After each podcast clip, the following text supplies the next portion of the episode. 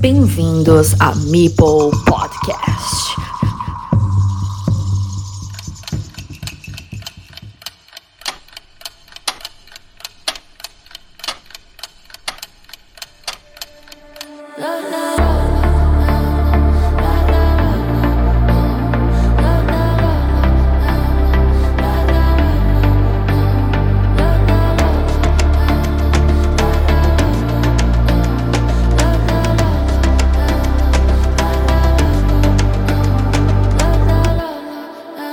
Amigos y amigas de Carcassonne, y diría que también del mundo del ajedrez, y por qué no, de todos aquellos juegos de competición 1 versus 1, donde el reloj de ajedrez y los sistemas de competición toman posición ante el protagonismo de la mente, del ingenio, de la habilidad, la inteligencia, el conocimiento y la destreza. Y digo toman posición porque vienen para equilibrar la balanza, no para establecer diferencias o para incordiar. Carcassonne tiene un sistema de competición que viene a establecerse desde el Mundial de Essen hasta cualquier evento nacional y clasificatorio, que es un mix entre un sistema suizo y unos playoffs. En ajedrez este sistema casi no se da, o en todo caso tiene lugar en algún torneo circunstancial o residual. ¿Y por qué hablo de ajedrez? Bueno, porque es el primer protagonista del que toman el nombre los famosos relojes uno contra uno, relojes de ajedrez, porque es un deporte federado, porque es un juego milenario o centenario en cuanto a la actualización del movimiento de sus piezas, porque existen entidades de distintos ámbitos, regionales o autonómicas, nacionales e internacionales, está reconocido por el COI, desarrolla cinco de las ocho inteligencias de Gardner, porque es el rey de los juegos de mesa, porque existe como asignatura en el ámbito reglado de la educación en una importante cantidad de países. En Carcassonne, tanto en el nacional como en el mundial, en los campeonatos online por equipos y hasta en los clasificatorios para el Campeonato de España, se hace uso de unos playoffs desencadenados a partir de los primeros clasificados en un torneo suizo. La idea aquí es eliminar la parte de la varianza existente en el juego para dar cabida a estos playoffs a jugadores que se encuentran en los primeros puestos sin que hayan quedado primero o segundo, porque eh, una partida en un suizo la puede tener cualquiera, y más si interviene la zarra, aunque sea en escaso porcentaje. Pero digo yo, ¿y los playoffs no son duelos a cara o cruz? ¿A vida o muerte? Hoy hemos invitado a Mipel Podcast a un árbitro internacional de ajedrez, no solo para que nos explique su visión sobre este asunto que he comentado, que no tiene que ser la misma perspectiva que la mía, por supuesto, sino también para hacernos entender el sistema suizo, en qué consiste, por qué se creó y cuál es su finalidad, en definitiva, en contraposición a un playoff, y cuándo conviene ese mix o no de sistemas. Además de árbitro internacional de ajedrez, es también un jugón, requisito que pocos árbitros de ajedrez y de talla internacional tienen la capacidad de reunir, y por si fuera poco, ha usado su conocimiento en ambos campos para la organización y desarrollo de eventos fuera del ámbito del propio ajedrez, en una incursión lúdica y competitiva que ahora nos explicará de manera sustancial. Además, conoce de cerca Carcassonne, lo que lo convierte en el invitado ideal para este encuentro. Querido Ismail Nieto, muchas gracias por estar aquí en Mipel Podcast. Gracias a ti, Joaquín, por la iniciativa y por la invitación, claro. Quería trasladar a la audiencia que nos conocimos por primera vez en un torneo de ajedrez que iniciaste en la Facultad de Física en la Universidad de Sevilla. Y yo era un simple participante y venía de la Escuela de Magisterio y encantado de ver la profesionalidad con que ya regulabas un torneo de estas características. Bueno, si te transmití profesionalidad fue un poco de suerte porque ese fue el primer torneo que, yo arbitré en mi vida y, y apenas sabía nada de arbitraje, ¿no? Tenía mucha ilusión, pero era un recién llegado, un neófito. La verdad es que salió bastante bien y eso me motivó a, continuar. Y la verdad que recuerdo esos torneos con mucho cariño. Y sobre todo a muchos de los que, como tú, conocí allí, empezando a, tener un contacto con, el, con la organización de torneos, con el ajedrez federado y con el ajedrez universitario también. ¿Y qué es para ti un torneo regular? Me refiero a la regularidad dentro de un torneo, ¿no? Pues, ¿qué se iniciaría un torneo regular? Que no sería un playoff en este caso. Me refiero a la liga, a la, suizo, exactamente. ¿Qué es para ti un torneo donde tiene cabida eh, la disposición de, la competición de manera que te puedas enfrentar a más de una persona? En el que se pueda entender que la regularidad es la que te lleva a la cabeza de la tabla, eh, no un solo partido. Claro, los sistemas de competición en deportes, en juegos, en función de la las características de los juegos, del número de participantes, del tiempo disponible, son muchos y variados, ¿no? Eh, muchos deportes, las eliminatorias eh, son lo fundamental, digamos, las ligas y el sistema suizo, que aparece aquí en esta entrevista como un tema central, pues es algo que nace en el ajedrez por las características concretas que tiene el ajedrez, es decir, mm, muchos jugadores, hay que jugar bastantes partidas, no queremos eliminar y por supuesto buscamos que el resultado de una competición nos dé quién es realmente el mejor. Eh, las eliminatorias tienen mucho más azar, la liga es probablemente el sistema más regular, más fiable, pero claro, en una liga no puedes tener 60, 80 o 100 participantes. Y el suizo es una buena solución intermedia para conseguir un buen resultado donde el campeón sea el, que ha jugado mejor, digamos, pero no sea muy dilatado en el tiempo y se pueda resolver dentro de un plazo razonable. ¿Y qué implica un playoff party en términos generales? Bueno, es, es un encuentro a cara cruz en el que muchas veces, según el tipo de deporte o juego en el que nos estemos enfrentando, puede tener un resultado más o menos azaroso. Eh, dentro del ajedrez, que es un deporte juego que no, no tiene mucho azar, aún así es muy raro que se resuelva un resultado deportivo en un solo, en un solo encuentro. Suele, como mínimo, jugarse a varios encuentros porque se considera que un playoff en un solo encuentro no es suficiente para determinar quién es el mejor. Y esto extendido a juegos como Carcassonne o otros juegos de mesa, donde puede haber ciertas componentes que son realmente aleatorias, cosa que en el ajedrez no pasa, entiendo que, que un playoff a un solo partido puede dar opción a que no gane el mejor siempre. Esto no significa que el que termine como campeón después de una serie de rondas donde siempre gana eh, una eliminatoria, no significa que sea menos válido que el que ha ganado un suizo, pero evidentemente se resta o se elimina eh, un componente sustancial que es la regularidad. Eh, me pasó en el Nacional que vi que un chico que gana cinco encuentros, los cinco que había en el suizo, cae en la primera ronda de eliminatorias precisamente ante un jugador que tenía tres puntos, o sea, dos puntos menos que él, y además ya se había enfrentado a él y había perdido con él. O sea, son cosas que tú piensas fríamente y dices, joder, eh, o sea, gana, cinco partidos eh, y, pierde en octavos de, final contra un jugador que tiene dos puntos menos. Estas son cosas que pasan también, claro. Claro, eh, desde el punto de vista de la pureza deportiva, de la competición, de, de que el resultado dé como ganador siempre al mejor, la regularidad, los playoffs son una mala solución. Es verdad que desde el punto de vista del ajedrez, esto de la búsqueda de que el mejor sea el que gane es como que tiene mucha importancia ¿no? en el mundo del ajedrez. ¿Quién es realmente mejor? El campeonato del mundo entre el campeón y el aspirante no se juega a una partida, ni a dos, ni a cuatro. Se ha jugado a, 11, a 15, a 20 y bueno, recuerda tú, campeonato del mundo que han durado meses entre Carpo y Casparo. Es decir, mm, huir de un resultado que pueda tener algo de aleatorio, de injusto.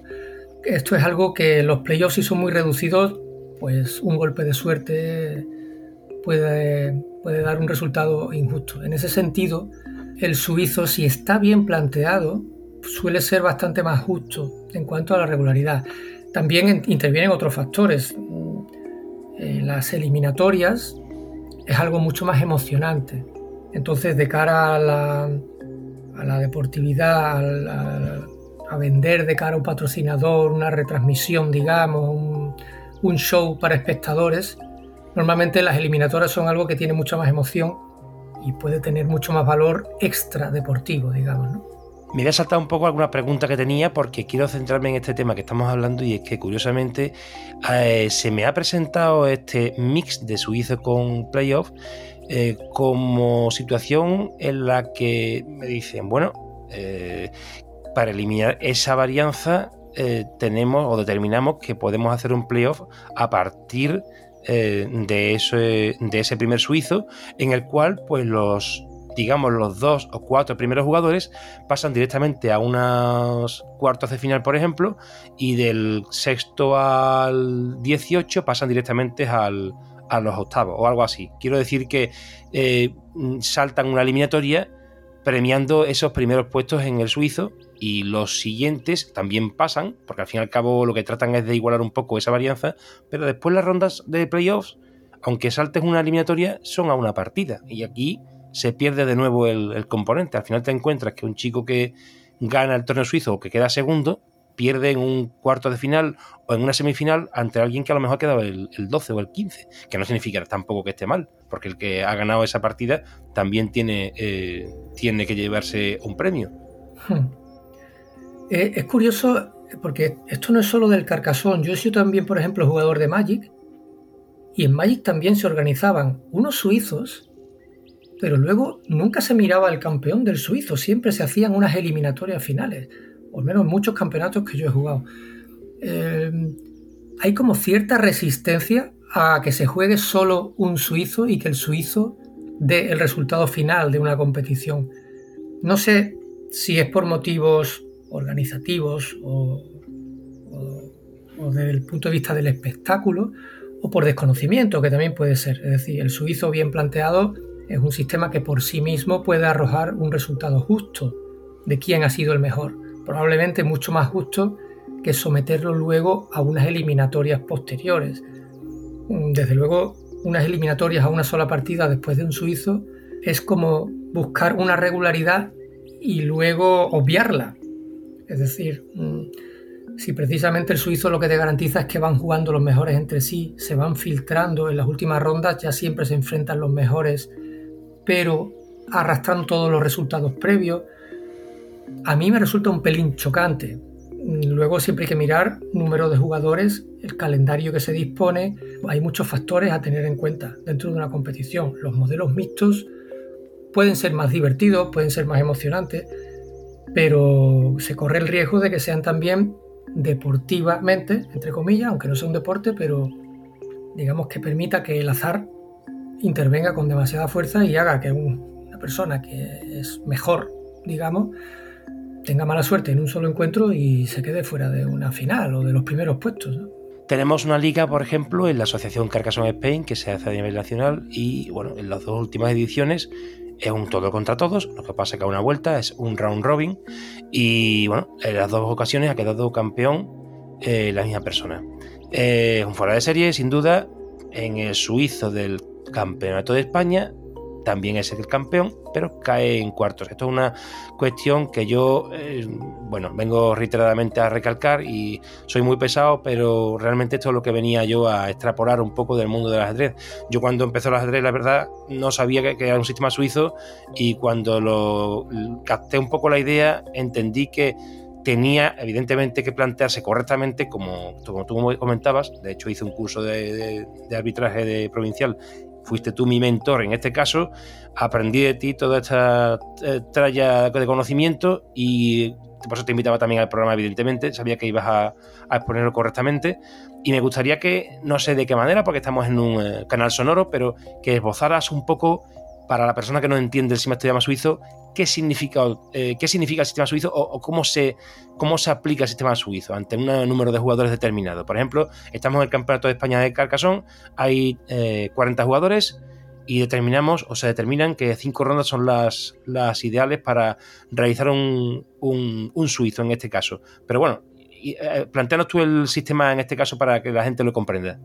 Bueno, para alguien que no sepa nada del suizo, hay que decir que es un sistema en el que no se eliminan las personas, eh, debe partir de un ranking inicial, es decir, los jugadores que van a jugar, debe, debe haber algún conocimiento previo de su nivel para poder ordenarlos, los primeros o los favoritos, tal.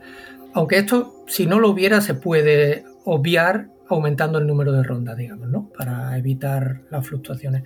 Y luego va emparejando entre sí a los jugadores que llevan el mismo número de puntos o victorias, o como lo queramos llamar. En ajedrez hablamos de puntos porque las partidas tienen tres resultados posibles, victoria, empate o derrota. En Carcassonne, si no es posible el empate, pues solo sería victorias o derrotas, digamos. ¿no? Entonces, si en la ronda primera todo el mundo tiene cero puntos, en la segunda la mitad tiene un punto y la mitad tiene cero. Los de cero juegan entre sí, los de uno juegan entre sí en la ronda siguiente, tenemos personas con dos puntos, personas con un punto, personas con cero. Cada grupo juega entre sí. De esta manera se va produciendo un tamizado en el que una derrota no te deja nunca fuera de la competición si el suizo está bien hecho. Eh, tiene la suerte de que todo el mundo, incluso el que no tiene opciones de ganar, sigue jugando hasta el final y se divierte, que eso también es algo positivo. Y si el suizo está bien planteado, al final van jugando entre sí los mejores y se enfrentan entre sí y todos tienen la oportunidad de demostrar eh, quién es el mejor. En un suizo bien planteado, el campeón normalmente se habrá enfrentado con el subcampeón y probablemente también con el tercero y, si es campeón es porque les ha ganado o al menos no ha perdido con ellos. luego hay una peculiaridad que tiene el Carcassonne y algunos otros juegos que hace el suizo aún mejor que en el ajedrez. En el ajedrez es un auténtico quebradero de cabeza, tú lo sabes, el tema de los colores. Es decir, en ajedrez no es lo mismo jugar con blancas que jugar con negras y eso es algo que está implementado en el suizo para que quede equilibrado, porque jugar con blancas es mejor que jugar con negras. Entonces, en un sistema suizo, tú tienes que terminar, si son seis rondas, con tres partidas con blancas y tres partidas con negras, y si son impares, con cuatro y tres. Sería injusto que alguien jugara muchas más partidas con un color que con otro. Eh, dentro de mi desconocimiento, corrígeme si me equivoco, pero en el Carcassonne no hay colores, con lo cual el suizo funciona mucho mejor, porque no tienes que estar pendiente de corregir este, este aspecto, ¿no? Y entonces puedes tener más libertad a la hora de emparejar a los jugadores con quien lleva los mismos puntos, ¿no? Bueno, sí, aquí el inconveniente en este caso sería que el que empieza primero, como hay 72 losetas y hay una de inicio, quedan 71 losetas para colocar entre los dos jugadores, entonces uno coloca 36 y otro coloca 35. Además, el que hace el, primer movimiento, si le toca una tapa, lo que sería una ciudad en un lateral, eh, consigue los primeros cuatro puntos, que es la primera ventaja que tiene un jugador en Cargasón. Por eso se dice que cuando hay empate, el que empieza tiene las de perder. O sea que si hay empatan la partida, sobre todo en playoffs, ¿no? porque en suizo no se tiene en cuenta, se tiene en cuenta el empate como en ajedrez. Aquí los dos serían igual en este caso. Pero cuando, cuando en Carcassonne se usa el sistema suizo, eh, en los emparejamientos ya se indica quién va a empezar o eso o solo se emparejan los jugadores y se sortea quién empieza. Sí, sí, sí. Lo que pasa es que lo que mm, vengo acá a preguntarte en otra pregunta posterior, pero lo voy a hacer ahora, es que los organizadores en Carcassonne no tienen en cuenta algo muy importante que tú acabas de plantear antes, que es el rating inicial. Si no se tiene en cuenta el rating, sucede lo que sucede en eventos como por ejemplo el Nacional, que es que es súper duro entender que dos campeones nacionales mm, de las dos últimas ediciones se enfrenten entre sí en la primera ronda. Esto no tiene sentido. Por lo menos en el ajedrez no tiene sentido. No, no tiene sentido. No, tiene sentido. Es verdad que el suizo es un sistema muy flexible que puede llegar a corregir eso. Pero lo ideal es que no tenga que corregirlo. En, una, en un torneo donde tú ignores totalmente resultados previos, tienes que meter más rondas para que el suizo le dé tiempo a corregir. Porque claro, tú emparejas en la primera ronda al favorito, o digamos, al campeón del año pasado y al subcampeón, y al que pierde lo estás fastidiando porque en el suizo es importante ganar las primeras partidas. Entonces tendrías que ampliar el número de rondas para que esa persona pudiera recuperarse de esa derrota tan, tan pronto, ¿no? Pero incluso aunque en el Carcassonne no haya un ranking ELO, un ranking ATP como en el tenis o este tipo de cosas, como tú bien dices, mirar la clasificación del mismo campeonato del año anterior o de campeonatos similares o sería una buena idea a la hora de, plantear el suizo. Cualquier información, esto en, los primeros tratados de suizo se, decía, tú acuérdate que cuando hace 20, 25 años había muy pocos jugadores con elo internacional en el ajedrez, había mucha gente que no tenía ranking y se decía, cualquier información que tú puedas tener del nivel de un jugador es mejor que, que no tener ninguna. Tenlo en cuenta a la hora de hacer un ranking. Y en Carcassonne si hay alguna información de quiénes son los mejores, que como tú me dices, en un número de jugadores que lleven tiempo jugando debe haberla, eso se debería tener en cuenta, si no el suizo no va a funcionar bien. Correctamente, dicho, sí señor, porque además eh, hay elo eh, en el Carcassonne, pero no está establecido desde una, desde una organización o desde una entidad. Eh, en la plataforma online Board Game Arena, que se utiliza mucho para los clasificatorios en el tiempo de pandemia, ahora no se le da uso, pero sí es cierto que se empareja el suizo en función de ese elo. ¿Qué es lo que sucede?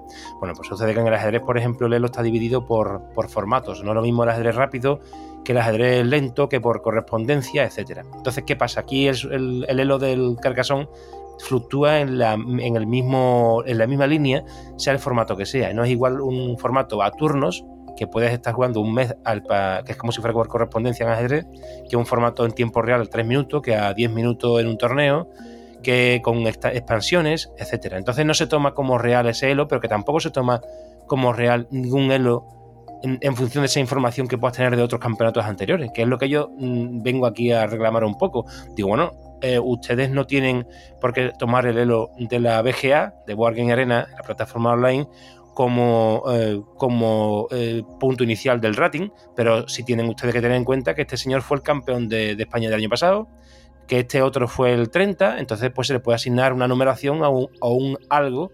Y esto mismo hacíamos nosotros en el club de ajedrez, cuando hicimos el, campeonato de, o sea, el circuito de, de bares.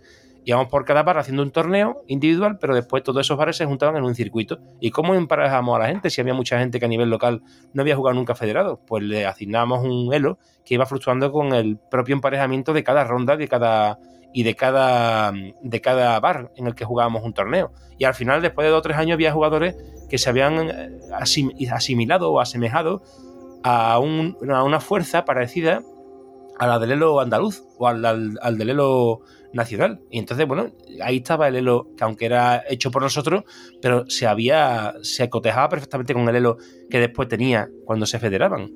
Claro, mm, es lo que te comentaba antes. Eh, lo importante para la competición es que si tú tienes cualquier información sobre el nivel eh, de juego de los participantes, la uses.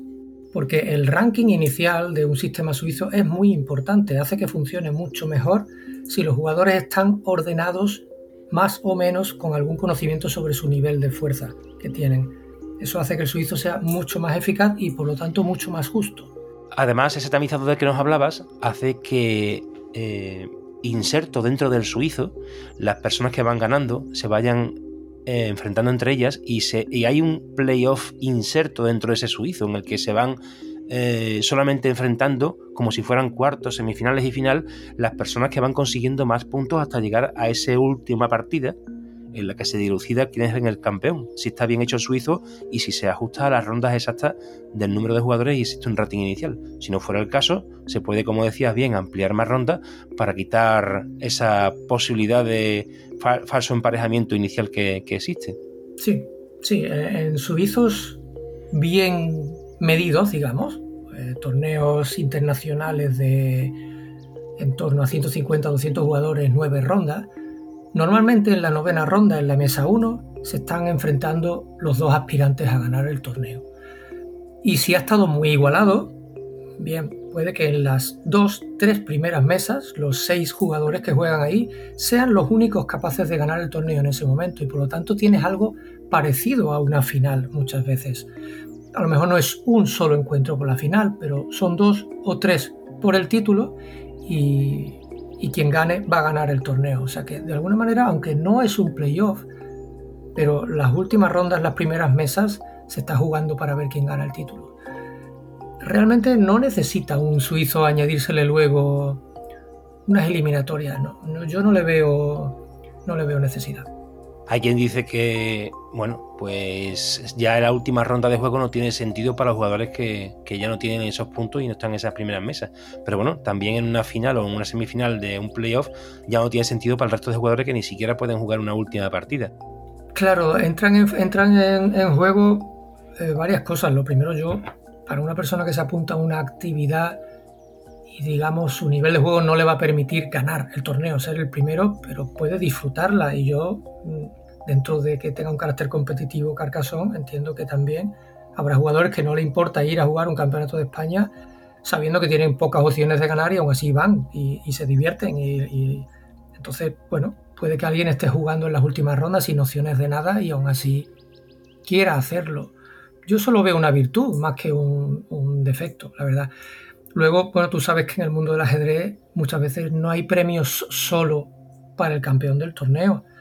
Puede haber premios para los tres primeros, para los diez primeros, para la mejor mujer, para el mejor niño de menos de 14 años, para el novato que es la primera vez que va, para se pueden poner muchos premios de manera que se lleva alguien un trofeo sin quedar el primero de la clasificación, ¿no?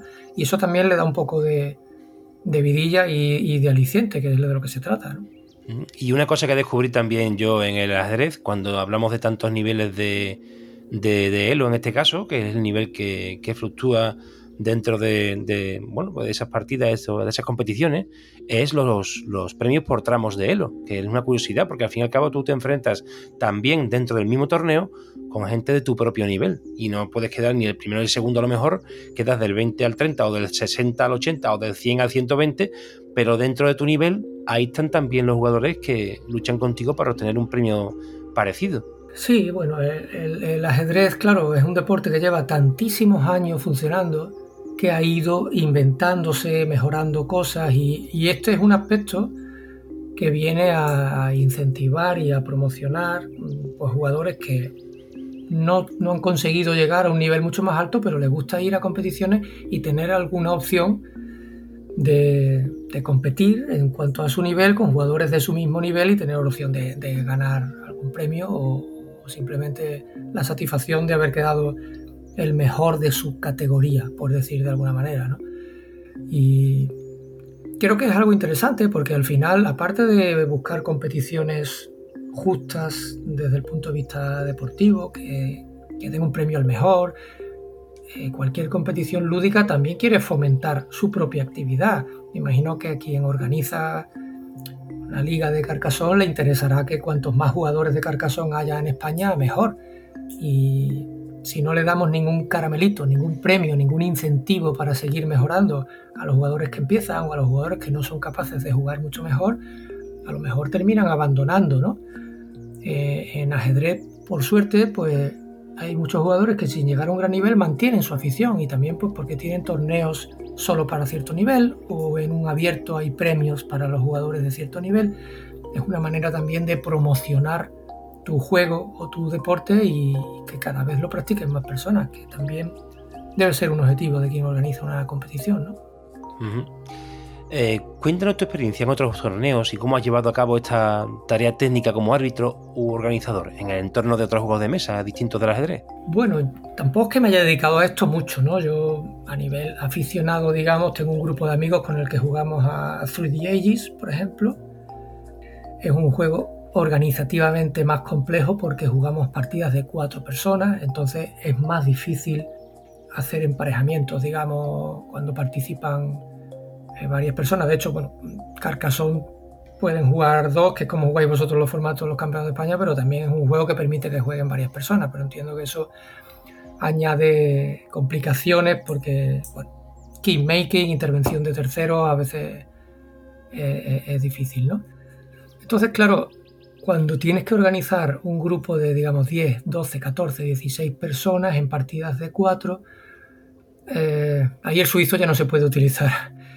Ni las eliminatorias tampoco funcionan. Eh, hay que darle un poquito vuelta al coco. Yo creo que cualquier sistema de competición, pensando un poquito, tiene una manera óptima de, organizar. Eh, la liga es el sistema ideal para cualquier competición es el sistema más justo en el que todos se enfrentan contra todos y cuando yo organizo, por ejemplo, estas competiciones de 3 intento que todos los que participan jueguen entre todos y el mismo número de veces con cada jugador, eh, digamos. Y bueno, pues tengo ahí hojas de Excel hechas y, tal, según el número de jugadores. Me he comido el coco, una cosa como, una afición mía personal con amigos y eso, pero me, gusta y me, y me entretiene. Una vez te pregunté, pero bueno, me preguntan desde Carcassonne Spain que alguien sabía que iba a entrevistar a, un árbitro de, ajedrez que, bueno, tiene mucha, hay muchas pegas con el tema del suizo a la hora de implementarlo. La mayoría de la gente no lleva un laptop encima, no lleva un portátil, no lleva una sobremesa, no lleva nada, es el móvil y han surgido, bueno, pues plataformas de online que gestionan esta, este tipo de torneos, pero son complejas en realidad, no son fáciles porque pueden incluir mixes de sistemas o un sistema único. Y me preguntaban, oye, pues, ¿por qué no preguntas qué se podría utilizar? Normalmente, claro, yo recuerdo de que en el suizo utilizamos, eh, bueno, pues Swiss Perfect, si no recuerdo mal, como inicio, después vino el, el Swiss, Manager, después el Vega. A ver, eh, los programas de gestión de suizo están muy afinados, pero es verdad que están diseñados para ajedrez. Eh, según el programa, la versatilidad que tengan, por ejemplo, Swiss Manager es un programa digamos más versátil, más flexible y yo creo que es bastante bien adaptable a llevar una competición, incluso si fuera mixta. Es decir, podrías hacer un suizo 6-7 rondas y luego añadirle 3 rondas más y en parejas a mano y todo lo puedes eh, subir, digamos, a Result, que es la página web que se relaciona con Swiss Manager para que todo el mundo pueda seguir en su móvil el desarrollo de la competición. Es decir, que, esto posible es. Posible es. Mm, eh, yo supongo que ahora, ahora mismo con las competiciones pues se pone todo en papel, ¿no? Y la gente consulta las clasificaciones y los emparejamientos en los tablones de la, de la competición, pero ah, yo hoy, hoy en día organizar cualquier competición lúdica o deportiva sin un portátil y una impresora e internet, creo que es un atraso, ¿no? Sí, es casi inviable. Eh, me preguntaban por plataformas online que se puede gestionar directamente con el, con el con un móvil. Pero bueno, yo siempre lo digo, digo, esto es complicado, porque normalmente uno va con el equipo. Hombre, puede hacer como en el Campeonato de España, que llevan un proyector, ponen ahí una pantalla, la tienen ahí porque estaba preparado todo para eso. Y no necesitas impresora, pero es cierto que el ordenador eh, es necesario porque los sistemas son, es un software al fin y al cabo y se, y bueno, y se ejecuta en el, en el PC. Bueno, en cualquier caso, habrá muchas cosas, pero no sé si te, si te llega ahora mismo a la cabeza alguna plataforma online que directamente se pueda gestionar sin necesidad de software propietario. Eh, no, la verdad es que no, no se me ocurre ahora mismo. Nadie ha implementado una gestión directa de un suizo vía web. Hay algunas iniciativas ahí, pero no, todavía no han terminado de, de cuajar. Sí es verdad que ahora, por ejemplo, Swiss Manager con Result te permite ir introduciendo los resultados desde el móvil, pero siempre teniendo un ordenador que gestiona el torneo. Esto, por ejemplo, es cómodo para que si tienes varios árbitros en un torneo muy grande por áreas, pues puedan ir metiendo ellos los resultados tal como terminan directamente en el móvil, ¿sabes? Y, el árbitro está sentado en su mesa central y los está recibiendo y no tiene que, tú sabes, lo típico, apuntar los resultados en un papel, llevárselo al árbitro a la mesa, los mete en el ordenador. Eso, eso sí.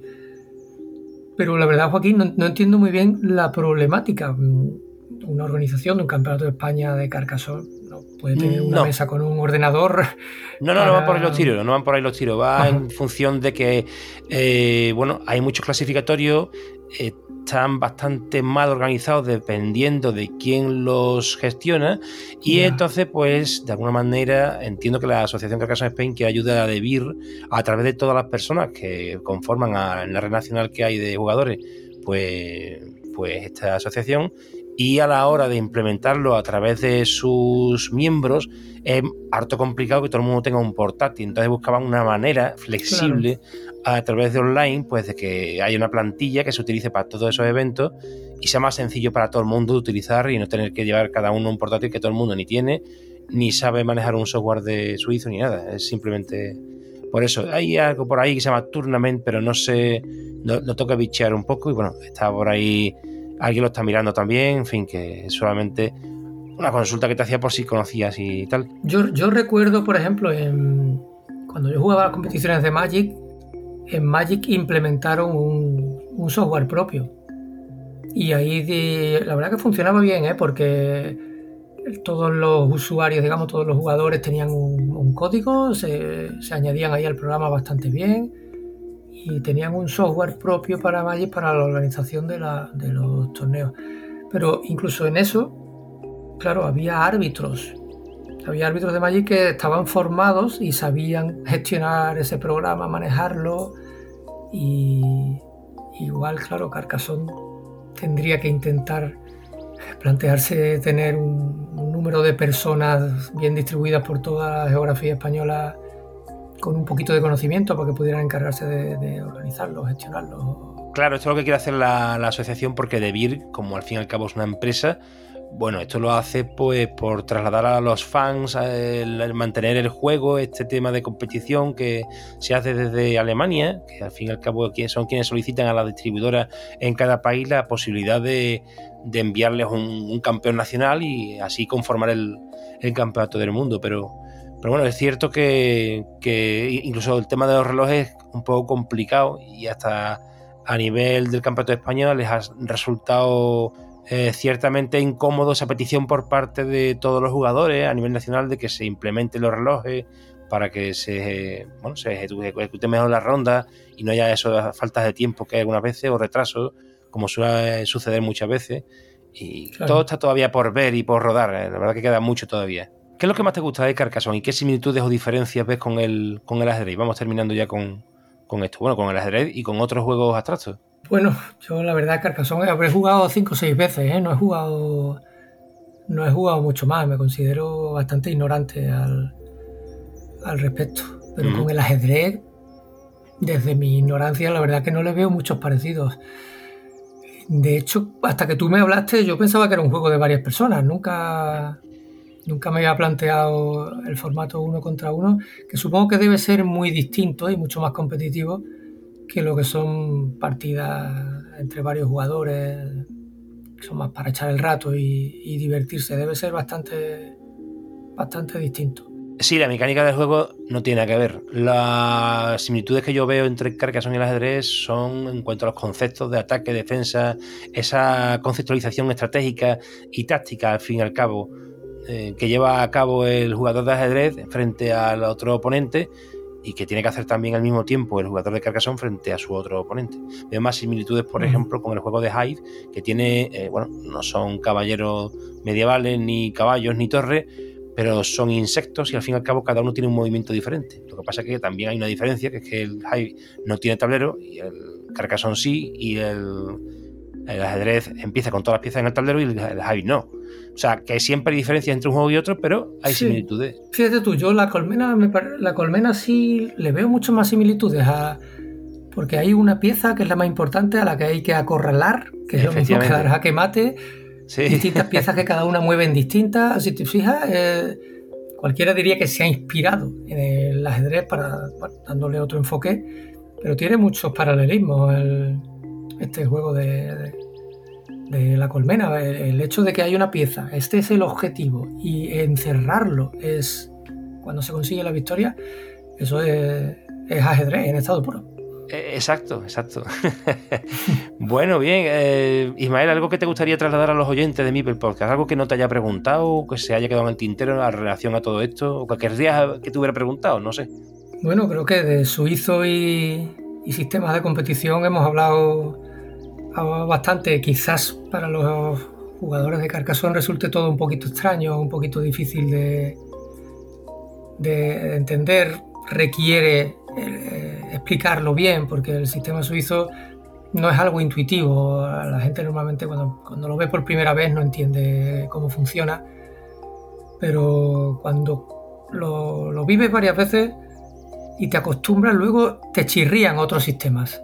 Y yo creo que eso es síntoma de que el suizo es un buen sistema de juego para casi, casi cualquier eh, juego en el que se enfrentan dos personas, en el que se juega uno contra uno. Y yo recomiendo que lo probéis y, y lo intentéis implementar porque merece la pena. Claro, suizo puro, porque claro, el suizo sí que existe en el Carcassonne. Por cierto, en la, asociación Jugamos Todos, que es la que dirige a nivel técnico el Campeonato Nacional de España, aunque organiza de BIR, ellos son quienes llevan todo el material, quienes arbitran y quienes directamente están en la, puesta en escena.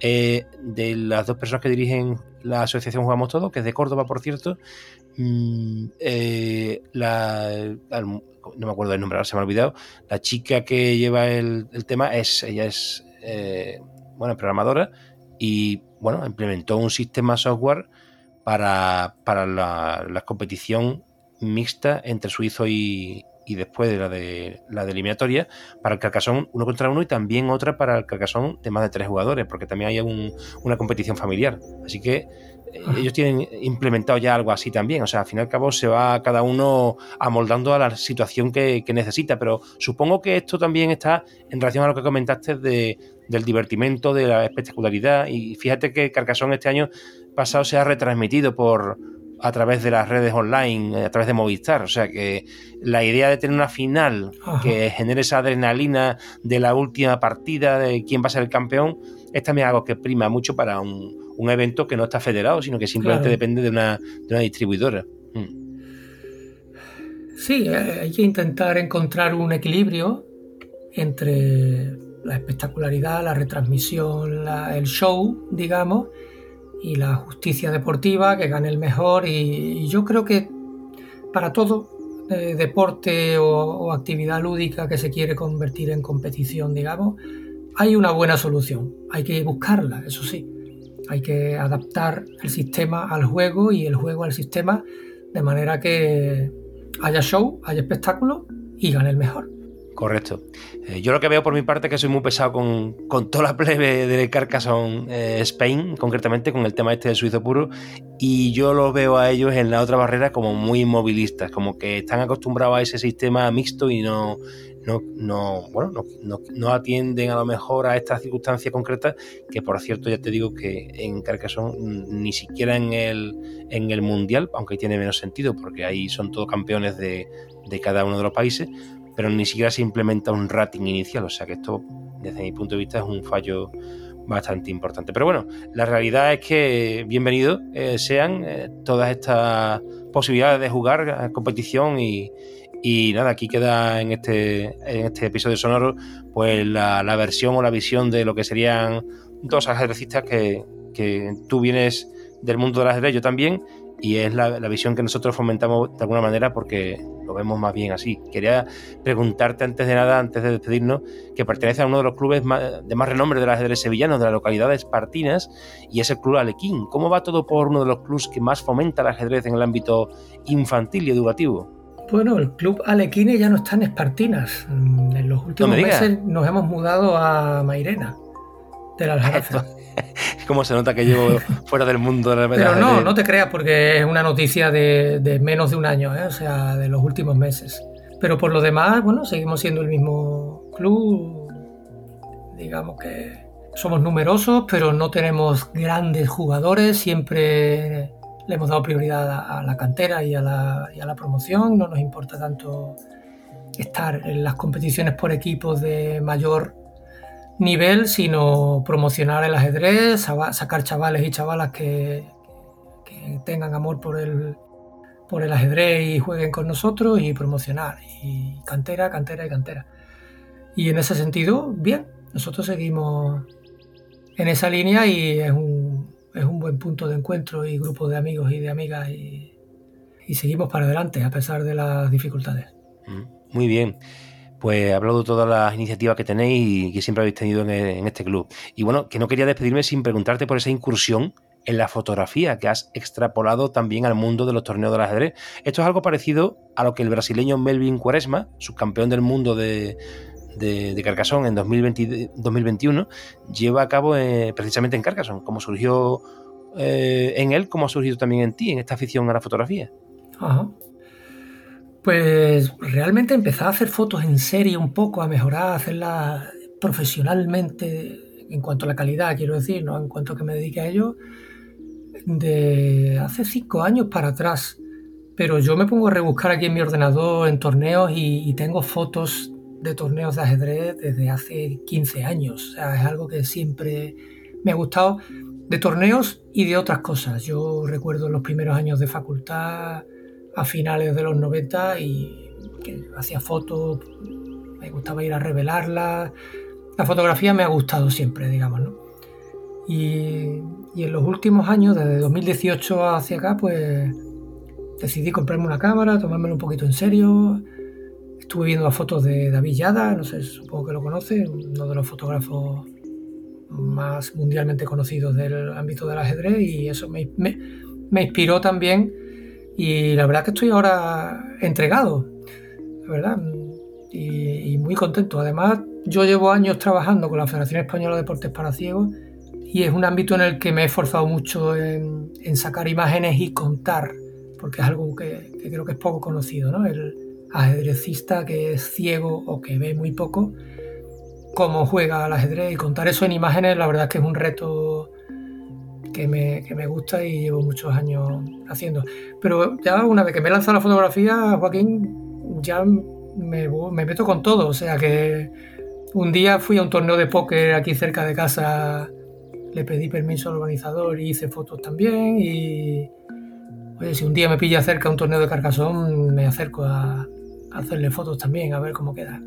Bueno, pues si termino haciendo un clasificatorio aquí en el Club de San José, te llamo para que nos inmortalice. Sí, sí, ya tengo curiosidad por todo lo que es una competición, gente sentada alrededor de una mesa pensando, eh, al final se parece mucho al ajedrez en cuanto a fotografía. ¿Sabes? No, quiero decir, es el interior, la gente está quieta, tienes tiempo para buscar la expresión de, de, lo que está pensando, de lo que está moviendo, de lo que tiene delante el tablero. Eh, se parecen mucho todas estas actividades y esos paralelismos me resultan curiosos desde el punto de vista de la narrativa fotográfica, ¿no? Cómo contar lo que está pasando en una competición que se trata de darle al coco, que no tiene nada que ver con una competición de fútbol donde hay, hay mucho movimiento, hay, hay que correr, eh, no tiene nada que ver, ¿no? Sí, correcto. es más complicado coger la, instantánea o tienes que utilizar ese tipo de, de cámaras súper profesionales que pillan 20.000 fotos y ya después eh, en postproducción cogen la, que te llama la atención o la que te interesa. Sí, es muy distinto. bueno, pues Ismael Nieto González, ha sido un placer tenerte aquí, amigo, y fuiste tú quien me diste ese curso de árbitro a nivel provincial, como dije antes, y así que puedo considerar que fuiste mi maestro al respecto de esta incursión a nivel técnico competitivo. Muchas gracias. Pues gracias a ti por la, por la invitación. Me alegro haber sido maestro tuyo en algo Seguro que tú también me has enseñado a mí muchas cosas. Esto, esto es así. Pues nada, hasta pronto y, muchas gracias a toda la audiencia. Un abrazo, Joaquín. Gracias a toda la audiencia. Continuamos y nos vemos en el próximo episodio.